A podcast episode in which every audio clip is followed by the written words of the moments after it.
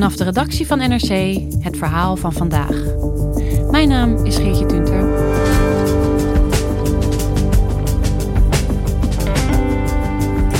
Drie keer in de week trainen, lange autoritten en wonen in een gastgezin. Jongens die door topclubs als Ajax en Feyenoord worden gescout, komen soms op hun zevende al terecht in een topsportregime. De meeste vallen daarna alsnog af. Fabian van der Pol en Steven Verseput doken in de wereld van piepjonge voetbaltalentjes. Is zo jong scouten wel nodig?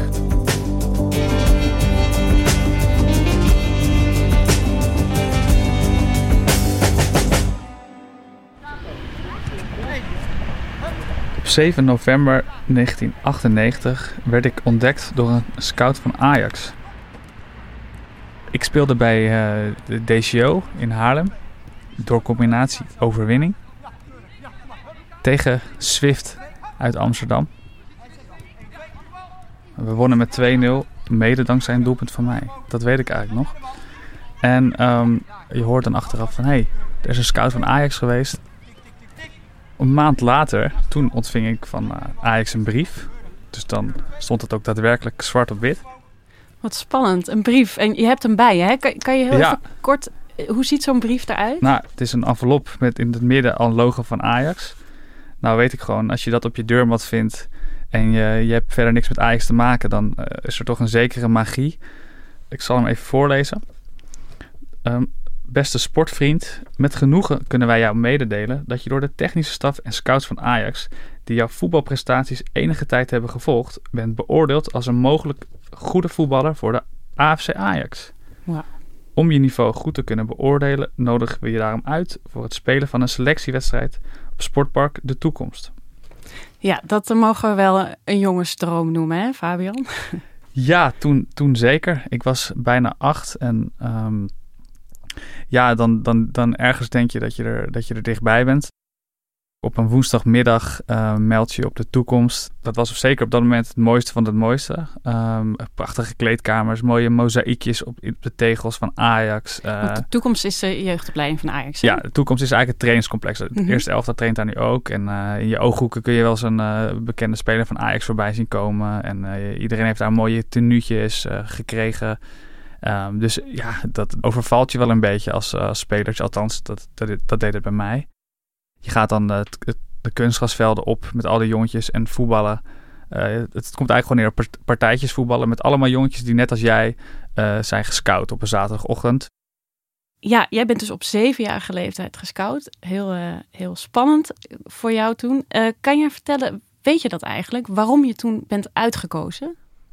Het leuke is dat ik uh, sinds kort over mijn uh, scoutingsrapport uh, beschik. Van die bewuste zaterdagochtend in Haarlem. Oké, okay, dus daar is een rapport van. Ja, ik heb dat gekregen van ehm, de scout van destijds, Patrick Busby. hij was de zolder aan het opruimen en hij kwam me tegen en hij heeft het mij gestuurd. Ik lees even voor, dus dat is mijn eigen scoutingrapport. Mijn startsnelheid kreeg, gaf jij een 7. Mijn uitstraling ook een 7. Ik had geen bril, normaal postuur. En ik was uh, brutaal, nee. Bescheiden, ook nee. Geef me even aan jou, Patrick. Kun je er nog iets van herinneren? Nee, ik, ik, ja, ik weet wel dat uh, toen bij DCO een aantal jongens zaten die ik interessant vond. Voor mij een keepertje. En uh, nog twee andere jongens, volgens mij van de ban. Passeeractie in 8 balbeheersing en 8. Ja, het zijn allemaal termen die nu niet meer zo veel voorkomen, maar uh, nou, je, hebt het aardig gedaan, zo te zien. Goed bezig. En, um, en hoe, liep het, uh, hoe liep het precies af, dit, uh, dit avontuur? Ja, niet, niet zoals ik had gedroomd. Ik herinner me nog goed, het was op een woensdagmiddag en ik was weer teruggekomen voor die, voor die tweede ronde bij Ajax. En ik, had, ik begreep, begreep dat je het veld breed moest houden. En dat heb ik toen wel geprobeerd. Of gedaan volgens mij ook nog. Maar ja, ik, eh, ik was in elk geval uh, duidelijk dat ik toch niet goed genoeg was. Nee, dus na twee, twee middagen was jij gestrand. Ja, toen was het avontuur voorbij. Zie je als je nu stilstaat op het juiste moment?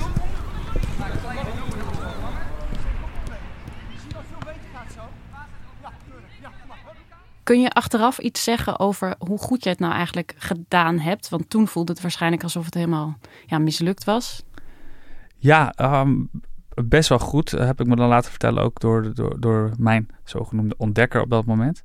Maar uiteindelijk ben je niet aangenomen naar de talentendag. Uiteindelijk was het niet goed genoeg. Nee. Ik ben twee keer teruggekomen. Ja, dat is, dat is al heel wat hoor. Want uh, ja, er worden er denk ik per jaar uh, 20 of 30 aangenomen door de opleiding. Dus als je dan uh, ja, twee keer mocht terugkomen, dan ben je in ieder geval, je op dat moment al bij de top 100 van Nederland.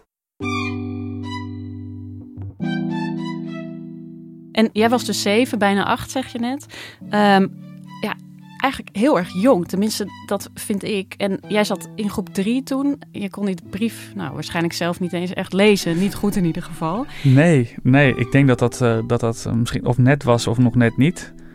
Um, en ja, dat is ook wat mij, wat mij later zo is gaan fascineren. Um, ik, ik ben uh, sportjournalist geworden. En dan, dan begeef je in de, in de, zeker in mijn geval, in de voetbalwereld, ook bij de wedstrijden van AX1, maar toch ook, toch ook je begeef je ook rondom de jeugdvelden. Mhm. Mm -hmm. En dan hoor je soms ook andere geluiden over, over, over het systeem. Um, bijvoorbeeld dat de toekomst een teleurstellingenfabriek is. Want ja, uh, al die kindjes die daar gaan voetballen op, op, op pakweg uh, zeven jaar, ja, daarvan haalt, haalt een enkeling haalt AX1. Ja, dus een teleurstellingenfabriek. Dus er zijn heel veel jongetjes die dus uiteindelijk afgewezen worden. Ja. En, maar betekent dat dus ook dat het heel gebruikelijk is voor zulke jonge kinderen om gescout te worden bij een club als Ajax?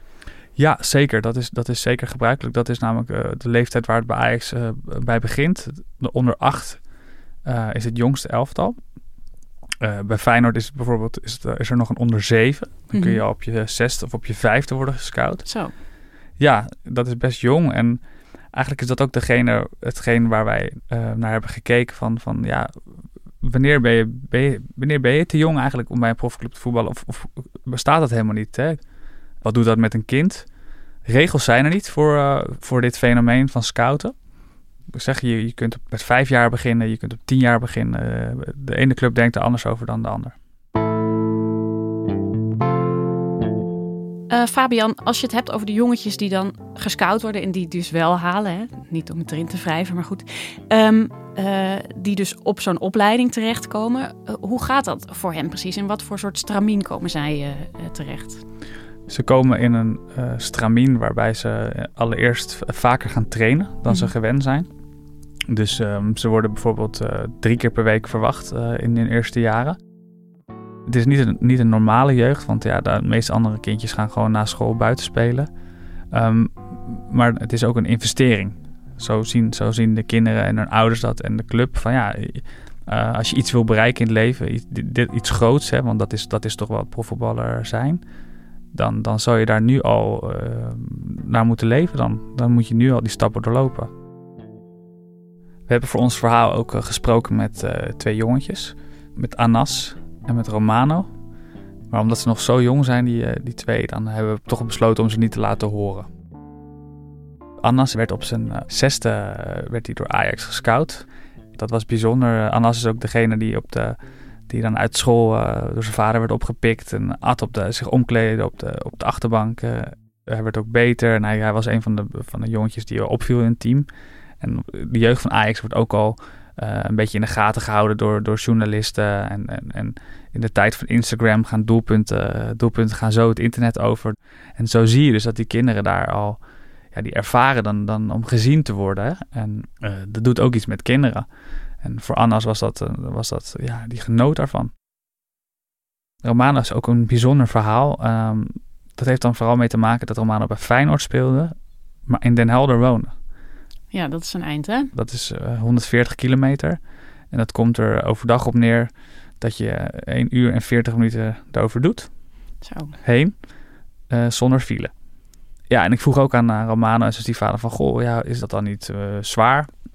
Maar beide hadden dat gevoel eigenlijk helemaal niet. In het begin is het even wennen. Maar um, ja, dan, dan, dat hoort gewoon bij de investering die je doet in je carrière. Um, Romano heeft, um, heeft uiteindelijk zo'n drie jaar heen en weer gependeld. En toen, toen ging hij naar de brugklas. En het is gebruikelijk dat uh, de voetballers van Feyenoord dan in Rotterdam naar de brugklas gaan. Dus hij zou eigenlijk moeten verhuizen. Hij zou eigenlijk moeten verhuizen dan. En in dit geval kwam het erop neer dat de oplossing een gastgezin was. Hij was daar zes nachten per week en op zaterdag na de, na de wedstrijd bij Feyenoord ging hij dan naar Den Helder terug. En zondag aan het einde van de middag ging hij weer terug naar Rotterdam.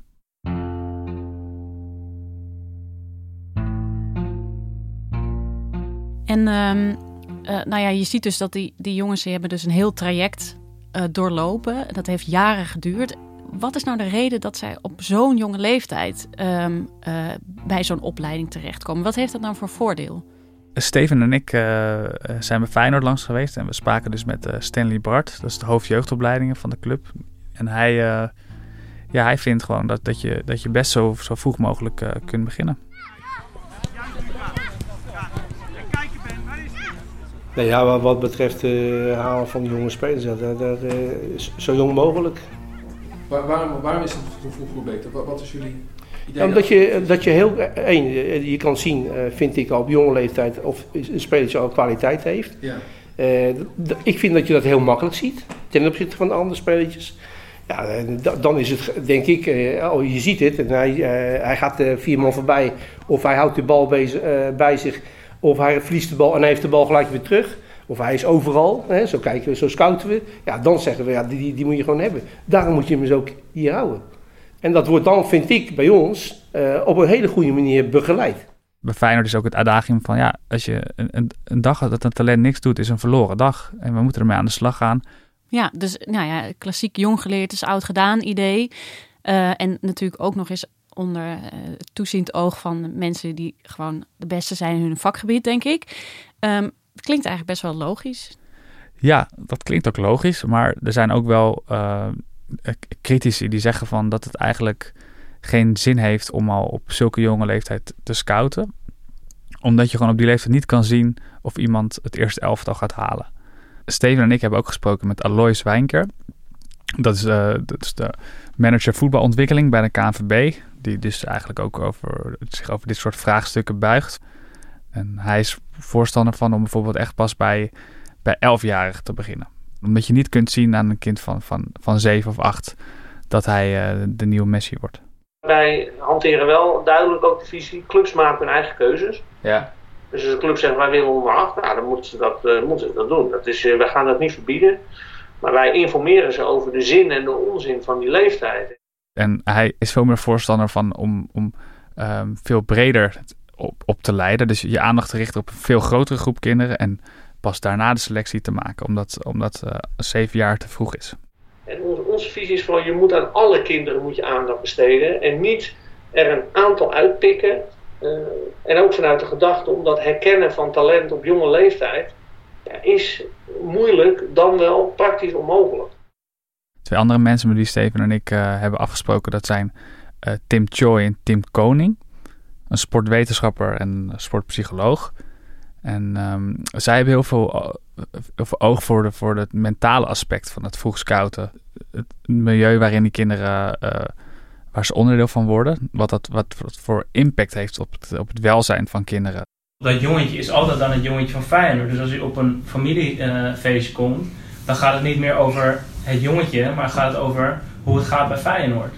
Dus zijn hele identiteit wordt eigenlijk gesplitst. Dus het gaat over de rol die hij heeft, rol, uh, als, sport, sporter, talent van Feyenoord. En aan de andere kant uh, het, het, jongetje dat inderdaad nog wil spelen, dat zijn vriendjes mist.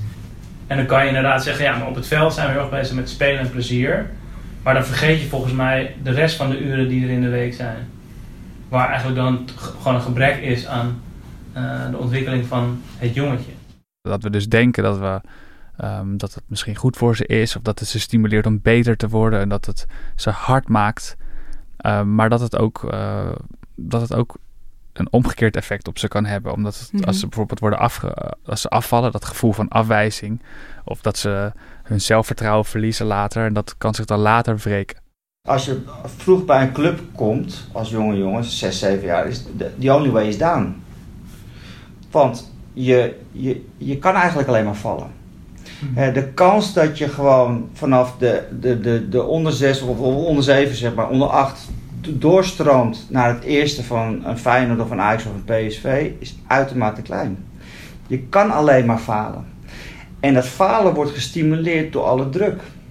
Je bent de koning, hè? je gaat met je Ajax-tenuutje of je PSV-tenuutje zit je in de klas. Nou, je hebt alle aandacht, maar dan word je weggestuurd. Dan wordt die troon in één keer afgenomen.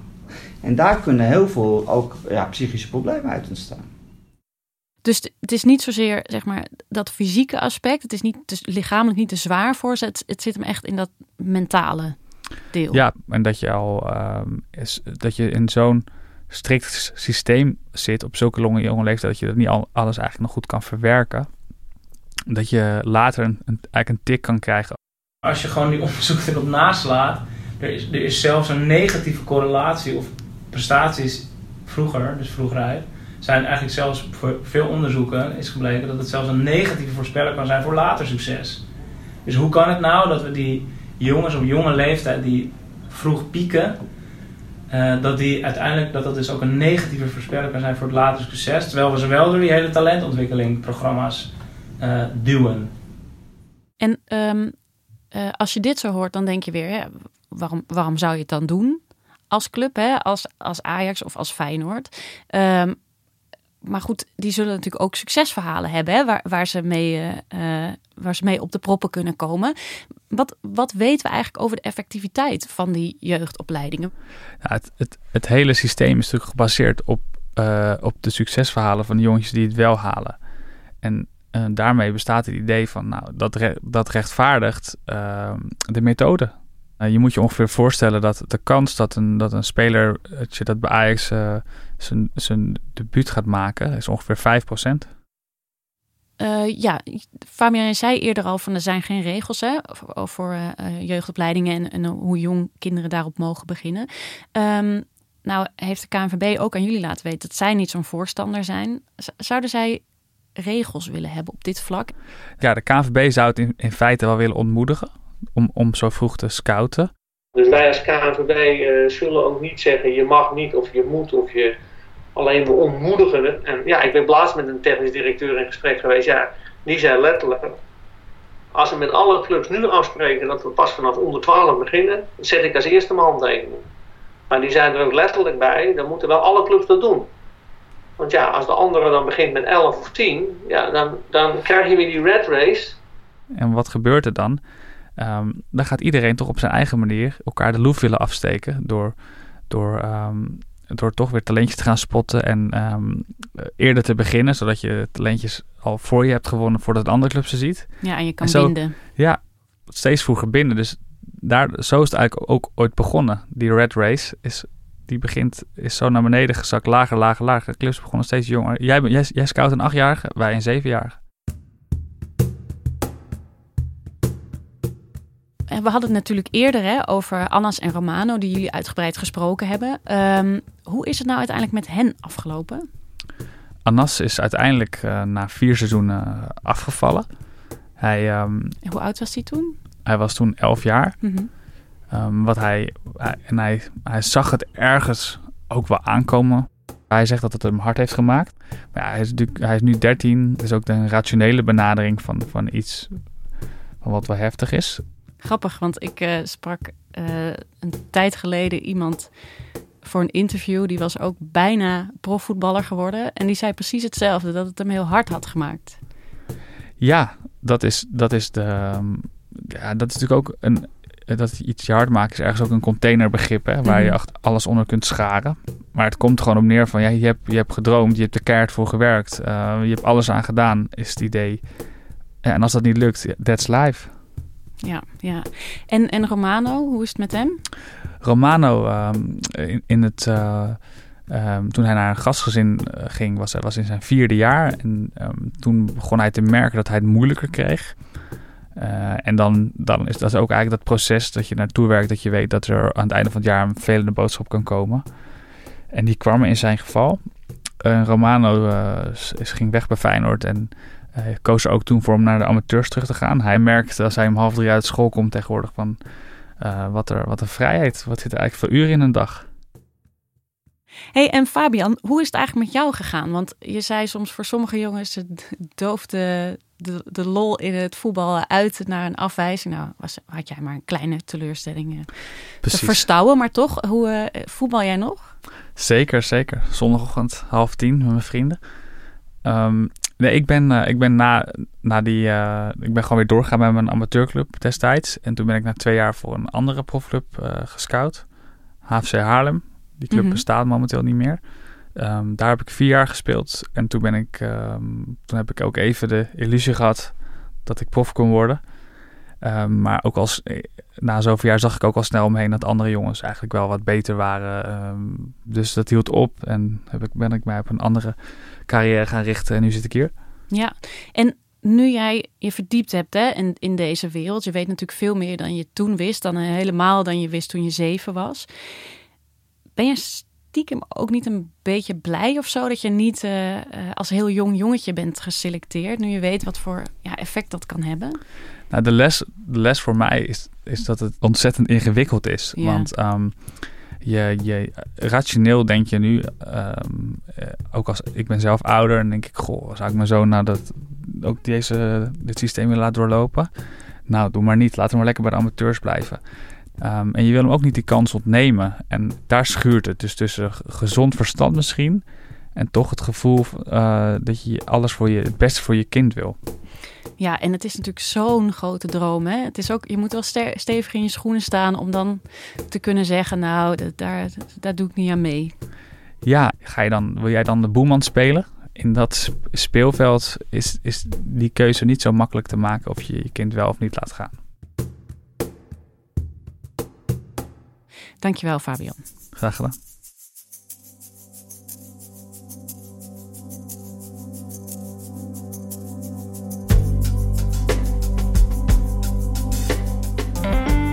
Je luisterde naar Vandaag, een podcast van NRC. Eén verhaal, elke dag. Deze aflevering werd gemaakt door Felicia Alberding, Allegria Ioannidis en Astrid Cornelissen. Plaatsvervangend chef van de audioredactie is Ido Havinga. Dit was vandaag, morgen weer.